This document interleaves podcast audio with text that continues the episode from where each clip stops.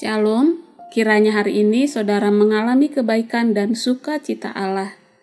Mari kita berdoa. Ya Tuhan, kami sudah siap mendengarkan firman-Mu. Berbicaralah dan tolong kami untuk bisa mengerti dan menjalani hari ini seturut dengan kehendak dan rancangan-Mu yang baik, mulia bagi setiap kami. Dalam Yesus Kristus kami berdoa. Amin. Perenungan firman Tuhan hari ini dari Yesaya 42. Saya akan bacakan ayat 12 dan 13. Baiklah mereka memberi penghormatan kepada Tuhan dan memberitakan pujian yang kepadanya di pulau-pulau.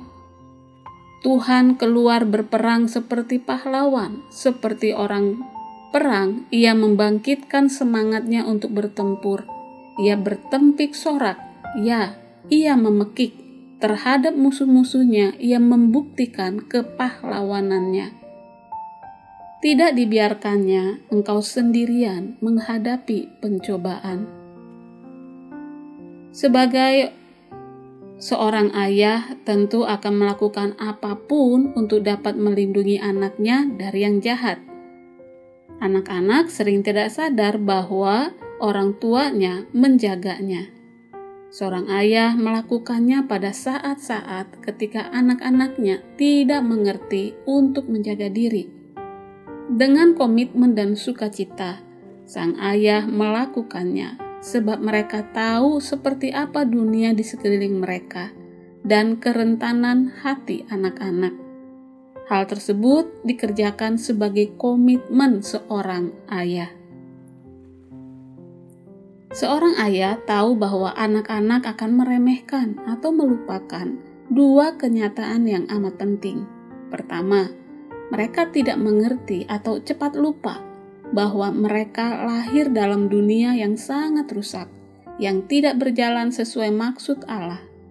Anak-anak lupa bahwa mereka setiap hari bangun dalam dunia yang telah jatuh di mana kejahatan masih ada Seringkali mereka tidak paham bahwa artinya mereka akan menghadapi beragam pencobaan setiap hari sepanjang hidupnya. Mata mereka akan melihat hal-hal yang tidak Allah rancangkan dari mulanya. Telinga mereka akan mendengar hal-hal yang tidak seharusnya didengar. Kesenangan dosa yang memikat, memperdaya, dan menggoda akan mereka hadapi lagi dan lagi. Kedua, anak-anak juga cenderung meremehkan atau melupakan adanya dosa dalam diri mereka. Mereka tampaknya belum mengerti bahwa bahaya terbesar bukanlah kejahatan di luar, melainkan dosa yang mengintai dengan kuasa dalam hati mereka.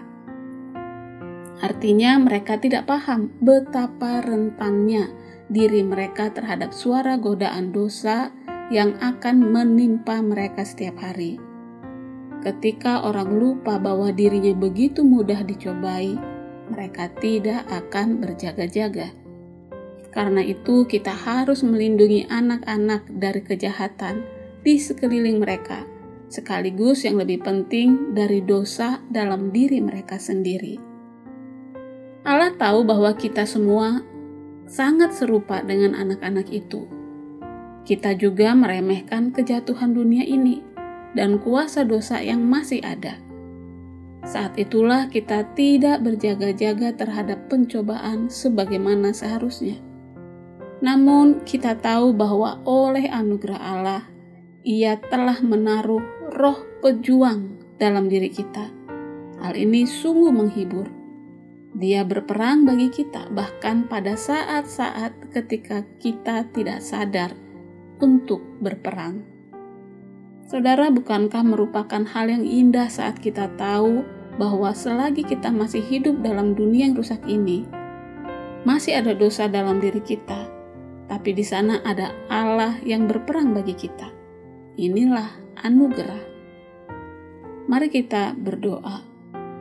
Tuhan, kami bersyukur karena memiliki Allah seperti Engkau yang senantiasa menyertai kami tidak pernah membiarkan kami sendiri menghadapi pencobaan.